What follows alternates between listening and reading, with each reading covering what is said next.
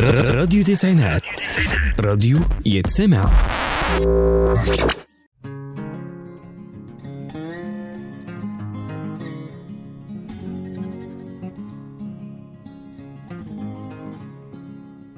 مساء الخير على كل اللي بيسمعنا.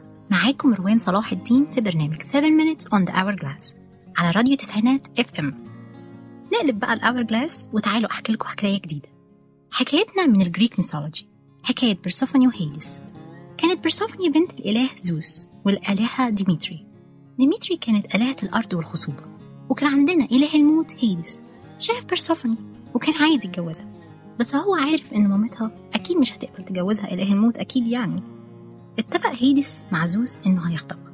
وفي وقت ما ديميتري مشغولة إن الشجر والورد يظهروا هيديس خطف بيرسوفني ديميتري لما ما بيرسوفني معاها وقعدت فترة مش لاقيها اكتئبت وبقت مهملة لواجباتها الشجر والزرع دبلوا. الجو بقى ساقع خالص. الناس بدأت تموت.